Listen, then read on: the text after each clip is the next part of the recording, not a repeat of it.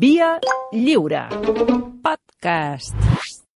Au village sans prétention, j'ai mauvaise réputation. Que je me démène ou que je reste quoi, je passe pour un je ne sais quoi. Je ne fais pourtant... Hola, Santi Jiménez, bon dia. Bon dia. M'ha assenyalat ja amb el dit que, la, que els tertulians No, s'havien és- menjat totes les No, botifarres han, i totes les han coses. deixat una, que és Sí. la manera més cutre de... Bueno, això ho fa la gent, al final, no? De deixar un culet de, de, llet, de llet en el, a la nevera, d'una mica de suc... la- Hola, la- Marco Botero, bon dia. Avui és el teu dia preferit de l'any. Ja ho sé. Sí, sí. Ja ho sé, bueno. Ma- ma- Només arribar m'has dit, t'has aprimat, i és que porto dies sense menjar res. Mira, tinc aquí unes coses. Eh, els amics d'Embotits Bundó, Hombre, embotits que bundó. pensen sempre en vosaltres, i especialment en el Malcolm, eh, volen que... eh, Bueno, però és que aquí t'han guardat... És que l'equip de programa, jo, jo no sé per què ho fan, això tampoc. T'han guardat dos botifarres, no una.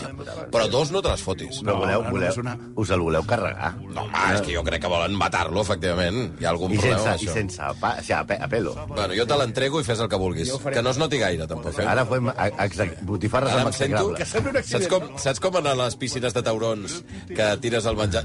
Eh, ja ho, ja, que ja faci el que... de piranyes. És al·lucinant. No, ja està, ja està. La gent no ho sap, ara ja està tallant, Bueno, està tallant amb botifarra. Ja i- aviso, senyors oients, a, amiga, audiència, que ja ni bé parlant jo.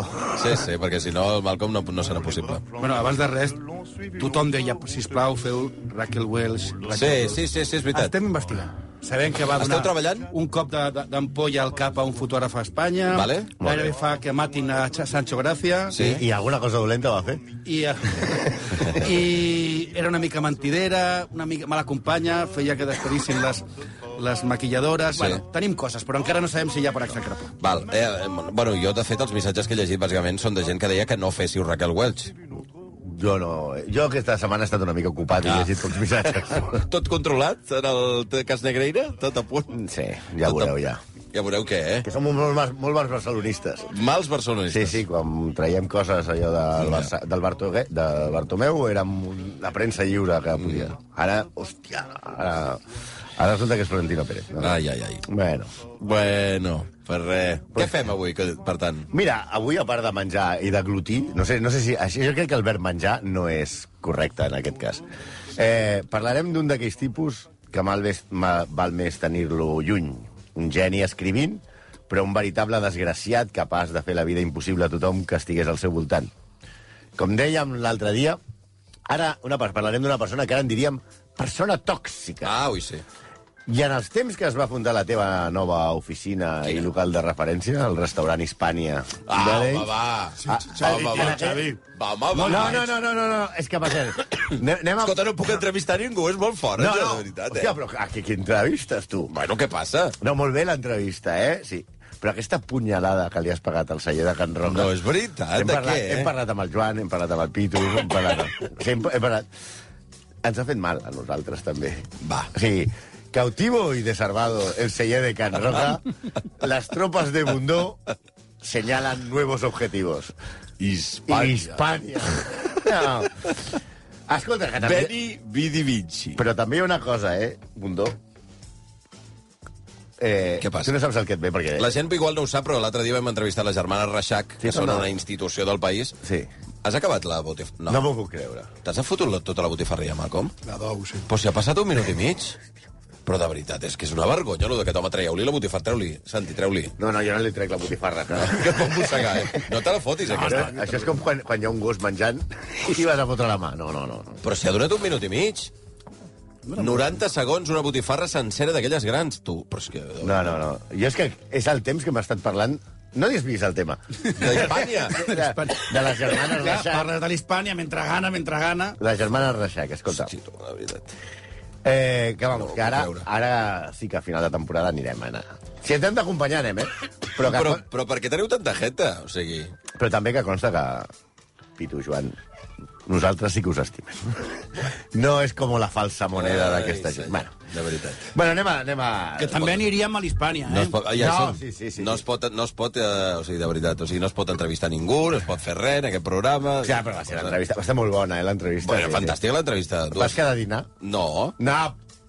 t'ho dic No, de veritat, que va, no. va. No, I no fos perquè no ens, no ens diguessin, escolta, que Déu vos ho dirà, i no... Bueno, pues digue-li dir que no, no? I va dir, Jo vaig dir que no. I va dir, Això ja no pot vindreu- confirmar, I ens van dir, pues veniu quan vulgueu. Això ho va dir o no? Va dir-ho o no em van dir-ho les germanes Reixac? Quan tens que- reserva, però Xavi? evidentment perquè és un restaurant, podem anar-hi quan Vale. hi hagi taula. Ja, ja, ja. Escolta, avisa'ns... Però no... Vale. bueno, en fi, és igual. Toni, si ens estàs sentint, res, això. jo he fet la meitat del plan. ai, ai.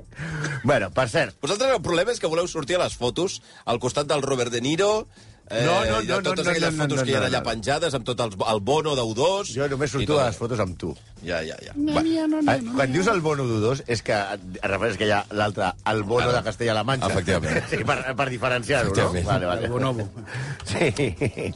Bueno, Va, avui parlarem, va, anem a deixar, deixem el tema Hispània, parlarem del que és considerat com el gran innovador del periodisme literari. No, no és Jorge Bustos. ni Malcom Otero. No. Un guanyador de dos premis Pulitzer i un infal·lible... Però sobretot el que és, és un, infal·lible detector d'imbècils i petulants. Oh. Tots aquells que arriben i diuen no, és que jo Norman Mailer, eh, que és el qui parlarem, eh, l'he llegit i m'encanta molt, però normalment són imbècils i no han llegit un llibre seu, però s'omplen la boca. És un tipus, era un tipus violent, torracollons, provocador, homòfob, racista, machirulo, absolutament desagradable, amb una clara tendència a fer el pallasso, especialment quan anava a trompa, que era tota l'estona menys quan dormia, amb un ego descomunal que el portava en privat a posar-se a l'altura de personatges com Jesucrist o Adolf Hitler, que eren els únics que podien seure a la, teva taula, a la seva taula o que eren dignes de que ell escrivís sobre ells. Era una persona obsessionada per la masculinitat malaltissa a nivell Hemingway o Picasso, dos altres imbècils, i avui entrem al quadrilàter per fotre-li un mastegot a Norman Kingsley Mailer, conegut com Norman Mailer. Buscavidas, un buscavidas fue mi padre, migrando por comida. Y tú jugando a ser camello, ¿verdad? Y lo único que tienes blanco es tu vida laboral. Guarda el disfraz, el rap no Això, això ho ha triat el Malcolm, no? No? No. No, no, és que ja... No. És meu, però... Teu? Però si tu no has escoltat hip-hop en ta vida, de què Però estàs ja- parlant, ara? Això és una cançó de los chicos del maíz que acaba sortint Norman Mailer, Los desnudos i los muertos, i que, Vale, i que vale. es caguen bastant amb ell. Sí, la, a la seva biografia destaca una cosa que em sobta, que és que no consta que trepitgés l'Hispània. Eh? No Vinga, consta. ja és... I, bueno, i el, He rebut també- un missatge de Pere Mas, que és un gran fan de l'Hispània, que vol sentir l'entrevista perquè no la va sentir. Pues aleshores no és un fan ni és res. No, que no De ni- l'Hispània, però no del programa. No, no, no, Ai, no. senyor. Bueno, va. Va, el que sí era... Era un tipus, un, un tipus amb un quocient intel·lectual fora de mida, per elevat, s'entén. Se'l coneix per ser escriptor, però al 39 va entrar a Harvard, on es va treure la carrera... A Harvard de veritat, eh, no Pablo Casado.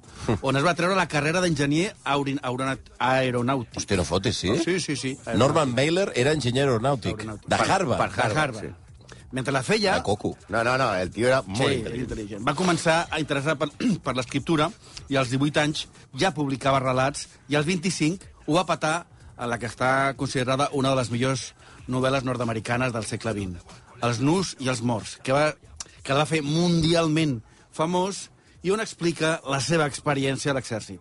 La novel·la és sensacional, una altra cosa és que ell la guerra la fes la, la guerra l'ha fet d'una manera especial. Feia de cuiner i el que va fer és mirar d'escaquejar-se de qualsevol manera. Sí, sí, ell, ell escriu un relat collonut sobre la guerra, però diguem-ne que ell, quan li va tocar la guerra, es va fer caqueta a sobre. Bueno, com, com és normal, a mi també em passaria. A veure, i quina era la seva manera d'escaquejar-se de, la, de la guerra? Doncs, com veurem ara, aquest masclista sempre va utilitzar les dones com li anava millor. I amb 19 anys es casa en primer cop per primer cop. Ja us avanço que es casaria per sis cops Ai, més, ai, ai, ai. però eh, ho anirem explicant. Per veure si casar-se i ser pare de família, així es podia lliurar d'anar a l'exèrcit. No va funcionar. I amb una coherència absoluta va abandonar la seva dona perquè va dir, ja que ets anar a la guerra també deixo la dona. La majoria dels seus matrimonis van durar menys que la tranquil·litat a Can Barça. Amb Carol Stevens, una de les seves dones, per exemple, es va divorciar els dos dies de casar-se. Però la seva parella més famosa va ser la seva segona esposa. Sí, aquesta que tots els que estimeu a Norman Mailer obvieu que la va apunyalar amb una festa davant de tots els seus No amics. fotis. Que si Adelita se fuera con otro, la seguiría por tierra y por mar. Aquesta Adelita és perquè Adele Morales era una artista bohèmia de l'East Village de Nova York, que també, hem de dir, tenia les seves cosetes. No tantes com a Norman. No Bueno, no, tantes, però Déu-n'hi-do, bueno, Déu-n'hi-do, Déu-n'hi-do, home. Déu-n'hi-do. Estaven fets tal, tal per qual. Ella era mig peruana i mig índia. I un dia després d'un desengany amorós, es va tancar al seu pis i es va veure fins al feiri. Estava totalment El borratxa. Fairi. Sí. És, uh... De, sí, bueno, vull dir... No, no, sí, no, ja- ja entenc, entenc. Ja saps, eh, una, una figura retòrica. Sí. El mistol. Tot- Totalment. Totalment. Abans es deia Com, Mistol. com ho deia el, el García, se El agua comieron, de fra- el- el agua de... se comieron al niño Jesús por los pies Y el, agua se de los floreros. El agua de los floreros y los charcos a la salida. La qüestió és que estava totalment borratxa i es va tallar les venes i al poc temps que això passa es va penedir. I en jo, què fas tu? Trucant a ambulància. Però ella no. Ella va trucar a casa d'un amic seu, el director de la revista Village People, que estava donant una festa. El telèfon el va agafar Mailer. Sí, No. no. abans, no, abans es trucava a les cases, s'ha de dir. Sí, sí, no sí, és que robés el mòbil. Que se ponga. I aleshores, en una festa sona el telèfon i, i el primer que passa per allà agafa el telèfon. Que fa el telèfon. Sí, I era i Norman Mailer, i Era agafa. Norman Mailer i, d'altra banda, una, una borratxa que està que s'acaba de tallar se les casa- I aleshores ella es va enamorar a l'instant i al poc temps es casaven. La invitació de boda va ser dissenyada per la pròpia Adele i era una targeta desplegable que un cop oberta era alerta, eh? Sí. alerta, ojo, perquè el, el, el bon gust està aquí molt present, era un penny gegant! La, la invitació de La invitació de casament. casament. Sí, menys madur que una pintada a la porta del vàter. Sí, Norman i Adele us inviten a... blu, blu, blu, blu, I blu, un- Una polla. Bueno, Bueno. la seva relació... No ho he vist mai, això, de veritat. Eh? Una polla? Un cas... No, un casament Ah, que ah. surti així. Bueno, la seva Ai, relació, òbviament, com podeu imaginar, Nens, tanqueu les orelles. va ser tempestuosa. Tots dos podien acabar amb la producció alcohòlica d'Irlanda i també d'altres productes de Jamaica i Colòmbia. També coincidien amb les, a, a, la seva afició a un tema que feien en comú. Feien coses en comú. Sí, podien, hi ha gent que va, doncs, va al cine, va a la compra, tal. Ells anaven junts a orgies. Ah, bueno. En una entrevista a Der Spiegel, Adele va declarar que això de les orgies, obro cita, em semblava molt divertit. Quan havia begut bastant... Atenció, el bastant és segons els seus paràmetres. No ho intenteu fer cas. Mhm. No, no, no, morts. clar, clar. No. Max, quan, quan havia begut bastant, m'excitava tot allò que tingués cames. Homes, dones, gossos. Suposem que els gossos més, que tenen quatre. Ah, sí? No, no, no en tenen dos, en tenen quatre, efectivament, duplicant. No, però com ja hem vist en, aquest, en, aquest, en altres casos aquest tipus de parelles, tan bon punt cardaven com a conills o s'agradien. I Maider la tenia llarga, molt, la mà. Ah. La mà. Al llarg de la seva vida s'hostiava amb tot allò que es mogués, i especialment tenia la mà bastant llarga amb les dones. Adele no es tallava i li tornava, això s'ha de dir. Així doncs, arribem a la nit de la festa. Mailer, borratxo i drogats... A la, festa, a la festa en la que l'apunyala, no la festa en la que la coneix. Sí, Eh? sí, sí. Sí, sí. Mailer borratxo sí, perquè la feta que coneix la borratxa era ella. Eh, Mailer borratxo i drogat s'havia barallat amb la meitat dels convidats. Quan ningú ja no s'hi li apropava, va baixar al carrer a hostiar-se amb el primer que passés. No devia trobar ningú que li, fes el pes, que, li, que li fes el pes, i va tornar al pis, on la seva dona, fent-se passar per un torero, el va raptar. Eh, toro, vinga, on són els teus pebrots? Hòstia. O és que te'ls ha tallat la teva man? Bueno, així, mala idea. Sí. Aleshores, Mailer treu una navalla que, a més a més, segons els testimonis, estava oxidada. Mare o sigui que t'a- t'apunyalen, que t'apunyalen amb una navalla Neta, neta. a mínim neta. I davant de tots els convidats va apunyalar Adele diverses vegades.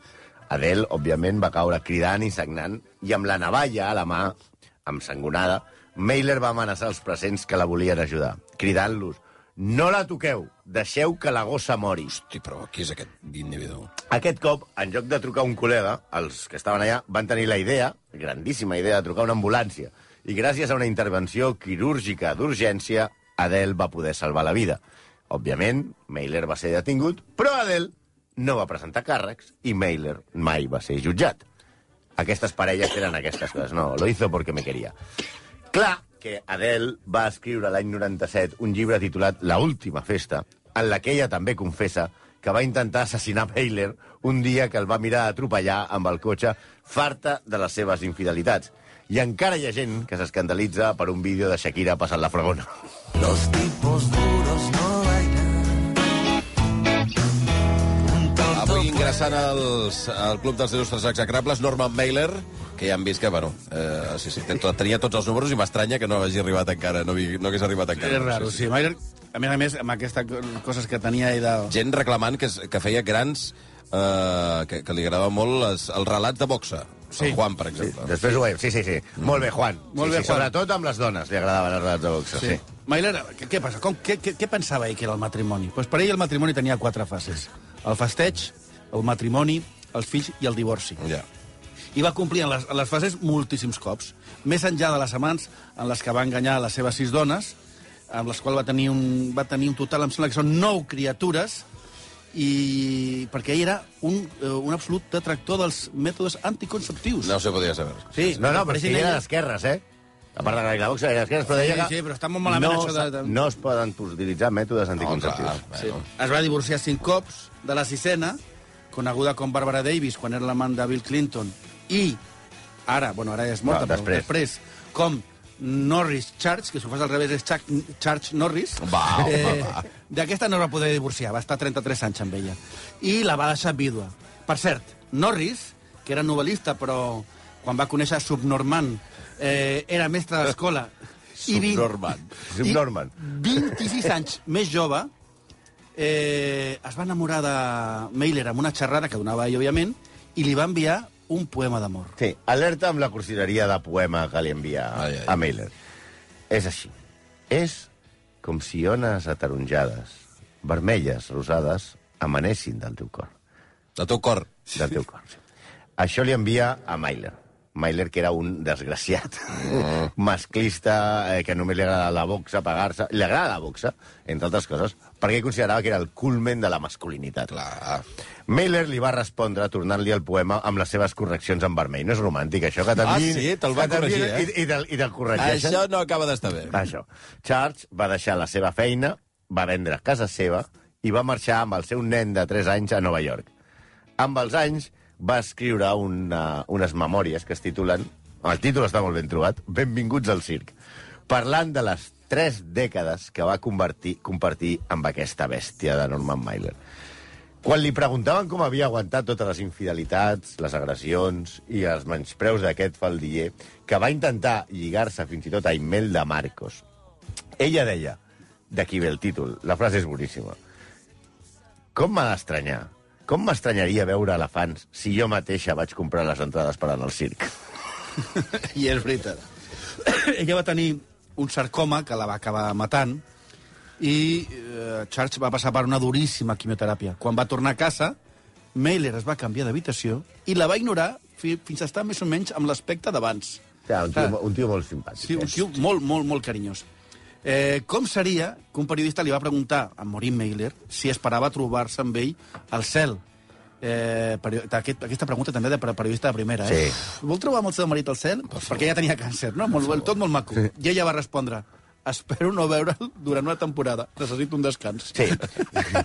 Aquí anem, com us podeu imaginar, eh, del que hem explicat les opinions de Mailer sobre les dones i els feminismes, les signarien Bertín Osborne i Ortega Smith a quatre mans. Considerava, per exemple, una de les seves frases, que la masculinitat, el seu lema era això, la masculinitat no és un do que et donen. O sigui, no només per néixer home, ets home, sinó que és quelcom que aconsegueixes. Tu neixes home, però després has de... Tu has de guanyar. Tu has de guanyar. Ui, I, I aquí ve això de la boxa, Anem- les medalles i tot això. I es veu que la manera d'aconseguir-la, a més a més d'això, és mostrar-se com un veritable capullo. No hi havia entrevista en què Macho Mailer no digués una animalada sobre les dones. La més cèlebre de totes és la que li va dir a Orson Welles en una conversa televisiva en la que va dir totes les dones haurien d'estar engaviades. Hosti. Així que, noies, que ens escolteu, quan un braces d'aquests que va d'intel·lectual i Literaris. soc periodista i uh, jo vull ser Norman Mailer i us ho, digui, us ho digui a la barra d'un bar, recordeu-li que... Has llegit a Norman Mailer? Sí, és que Norman Mailer és la mas... Sí, i llavors li dieu, i escriu molt bé de boxa, i llavors li dieu, tu ets un imbècil. Ja està. Hi ha més encara, eh? Com quan va escriure que la, obro cita, la revolució feminista ha convertit a la dona en aquella mena d'home que em posava trist quan era jove. Aquell que es veia obligat a treballar de 9 a 5 de manera avorrida i que mai controlava el seu destí.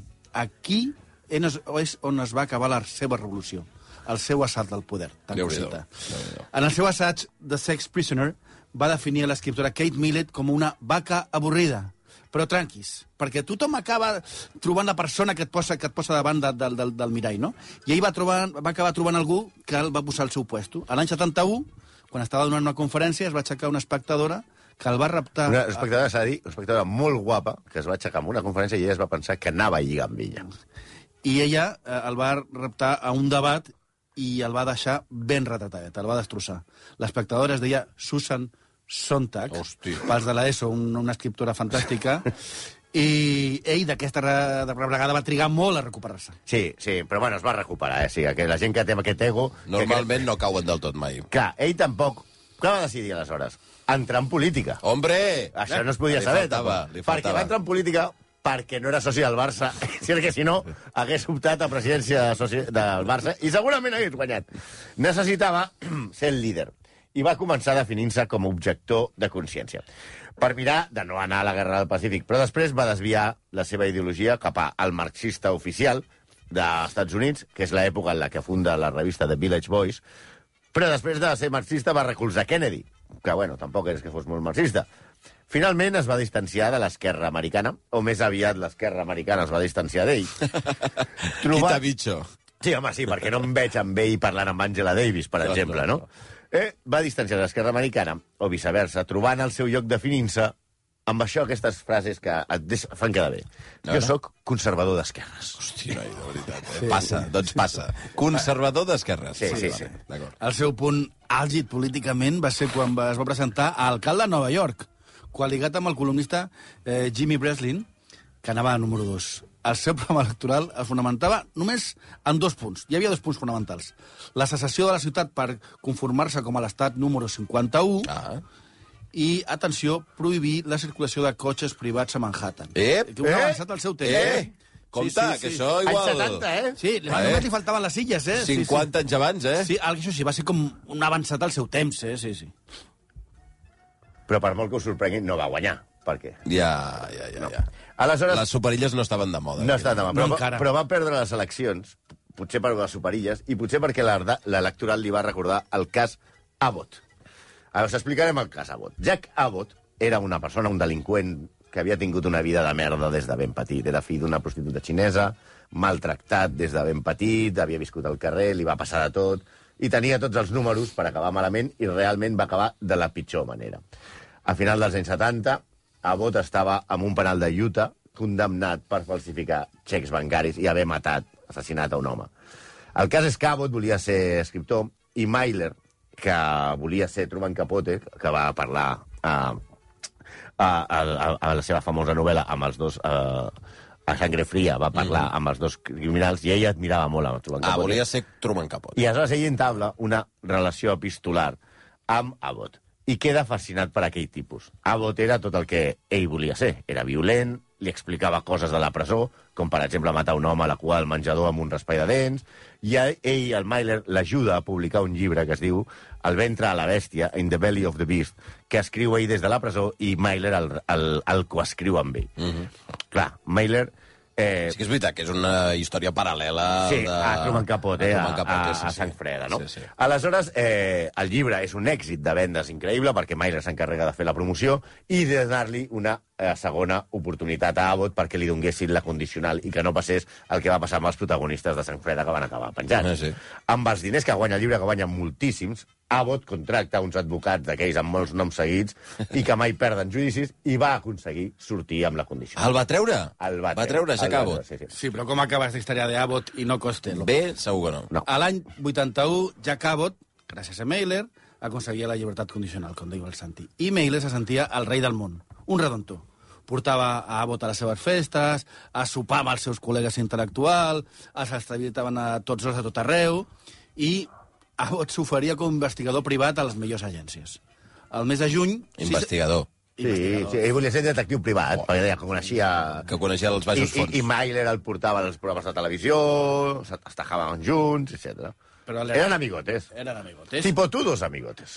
El mes de juny, que eren sis setmanes després de la seva posada en llibertat, Abbott va apunyalar a Richard Allen, un cambrer de 22 anys, perquè quan es va aixecar de la taula on sopava amb dues admiradores, li va dir que el lavabo on mirava entrar era només pel personal del restaurant i que havia d'anar al dels clients. I a aquest senyor no li agradava que li portessin la contrària, eh, bueno, va tornar a la presó i es va suïcidar a la seva cel·la.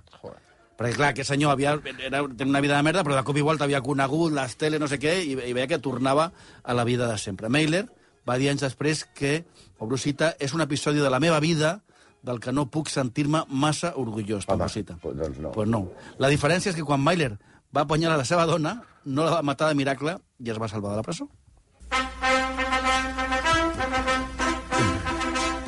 Bueno, Quina desgràcia de personatge, de veritat. pues espera't, que ara anem a hòsties. Eh, què? Vine, vine, que puja les escales. No, ara, ara està corrent pel mercat saludant a tothom. Allò. Ara entra, entra a, a, a l'escorxador i comença a donar-li de cops de puny a, a les parelles congelades. Ara, ara, ara. I arriba el cunyat, que és més pesat que ningú. Eres más pesado que el cunyau de Rocky. Rocky, era mi hermano Rocky. Bueno, eh, ja hem apuntat abans la seva facilitat per donar-se d'hòsties contra tothom, en qualsevol moment i en qualsevol motiu. És el típic col·lega aquest, que tothom, tothom ha tingut, de la colla, que quan sortíeu de joves... algú, eh? Sí, que tu estàs allà allà en un bar i i intentes parlar amb els col·legues. Tan o tranquil. O intentar lligar-te a una noia, parlant amb una noia, i hi ha un moment que sents que hi ha un soroll a l'altra banda Ja del local i no ja fa falta ni que aixequis el cap de... Saps perfectament qui hi ha allà. És aquell que Sí, ja sí, s'està ja donant, donant d'hòsties Ja amb li ha tirat el cubat al cap a algú, Ja ja, hi ha, hi ha una empenta... Sí. Bueno, en fi. Amb Myler, El marrullero. qualsevol debat era susceptible d'acabar a cops de puny. La gent que el coneixia era conscient que hi havia temes transcendentals que no es podien tocar. No el procés, no el Barça, no la política, no Enriquez Negreira. Què no es podia parlar? De la Què? gent que portava rellotges digitals. És un tema que, que l'en- que l'ensenia. De l'olor de les farmàcies. També? També. Les camises de polièster. L'arquitectura moderna.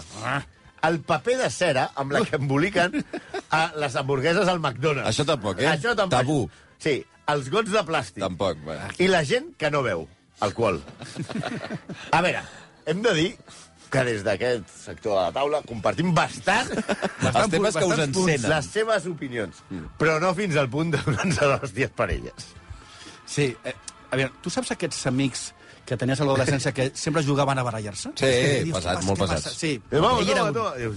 Però, però, i, I la veritat és que podríem estar fins demà explicant les seves baralles, però ens centrarem en les que mantenia amb els seus suposats companys de, de, de feina. Mm -hmm.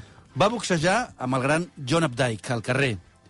Es va hostiar amb el novel·lista William Styron. I en un rodatge va quedar a cops de martell i mossegades amb l'actor eh, Rip Torn. Cops de martell, eh? És que... Sí, sí. Però la baralla més famosa va ser amb Gore Vidal, i tot, ja sé que he sentit molts noms a l'ESO, agafeu Google, si voleu Wikipedia, John Updike, William Styron, Gore Vidal, i, i sabeu qui són. Sí. El programa Dick Cavett Show va muntar un... Espera, que ara no et funciona el micròfon. Ara no entenc per què, a veure. Has tocat algun cable? Ja he tocat jo. No. Espera, que et canvio el micro. Vinga. Ara. Vinga, a veure si podem sentir per aquí. Això que són nous, Ara. eh? Sí, sí, sí.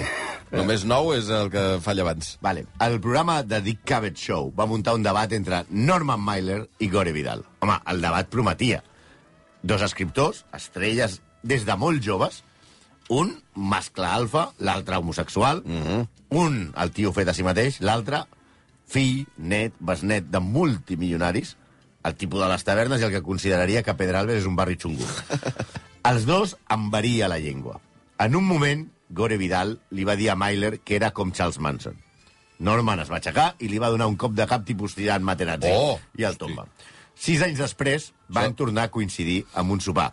Una gran idea de l'anfitrió. Creuar-los, no? Creuar-los, sí. Està molt bé. Sense que abans de començar, abans de que portessin els patifurs, Myler va tornar a pagar Vidal, que quan es va aixecar li va dir Estimat Norman, veig que les paraules et tornen a fallar.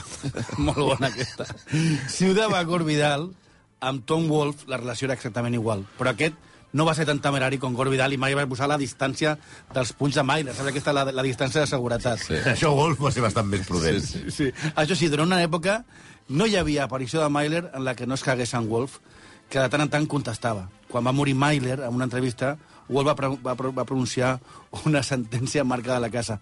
Ah, el vell Norman, descansi en pau. El que lamento de veritat és no haver estat més mesquí amb ell. Vaig fer el que vaig poder, però crec que no va ser suficient. Sí, era un tio popular entre els seus companys de feina. Els seus últims anys van ser tragicòmics, fins i tot pels seus més fervents admiradors, que veien com moltes de les seves obres, rellegides, es qüestionaven, ara, amb la perspectiva actual, pels insults a les dones. De fet, a les seves novel·les com Els homes d'ús no ballen i Un somni americà, la fantasia sempre és assassinar la seva esposa. També les seves idees bastant eh, eh, racistes perquè té un assaig, el negre blanc, reflexions superficials sobre el hipster, en el que es dedica a parlar només dels membres sexuals dels, de la gent de raça negra. Però veient... Fe, però després eh, va acabar fent pena a, a pel·lícules on feia cameos, com per exemple la que parlàvem l'altre dia, el pastitx aquest del Rei Lear de, Sí, de, Godard. de Godard. Ell també surt fent el pena. I el que més mal li deu fer als seus Mailer Believers era veure fent un cameo al, un capítol de les xiques Gilmore. Us imagineu? Norman Mailer. A les xiques Gilmore. Subnorman. Sí, sí. Ell, eh, l'home tan dur que, eh, com el va definir molt bé Woody Allen, la pel·lícula El Dormilón, que és aquella de que un, hi ha un home que es desperta 200 anys després i no entén res del que està passant al món, eh, el personatge de Woody Allen surt de la seva congelació, del seu estat d'hibernació, mira a les parets Sí. i no entén res, no sap qui hi ha més. No, que- I aleshores la metge, que és Diane Keaton, que l'acompanya, diu el que no sabemos qui és, qui és, és aquest tio. I hi ha una foto de Norman Mailer. I aleshores Woody Allen diu hòstia, sí, aquest és Norman Mailer. És el tio que va donar el seu ego a la facultat de Harvard. que va donar el seu ego a la facultat de Harvard, efectivament. Doncs aquest és a Norman Mailer, que passa a ocupar un lloc d'honor al Club dels Il·lustres Em- em puc endur la botifarra? No, no, No. te la pots endur. Te n'has menjat una i ja fins aquí. Però és que has seguit menjant-te-la, aquesta? No, no, no. No, Has no, tallat no, no. una mica més? No, no, no. No, no, No, no, no, Si la no, talla- no, sí, sí. Home, deixa alguna cosa per la resta, que han de venir ara. 3 minuts i un quart de 12 del matí. Gràcies, Malcolm, gràcies, Santi. A eh? vosaltres. Apa, siau, siau, siau, siau, siau. Tout le monde viendra me voir pendu, sauf les aveugles, bien entendu.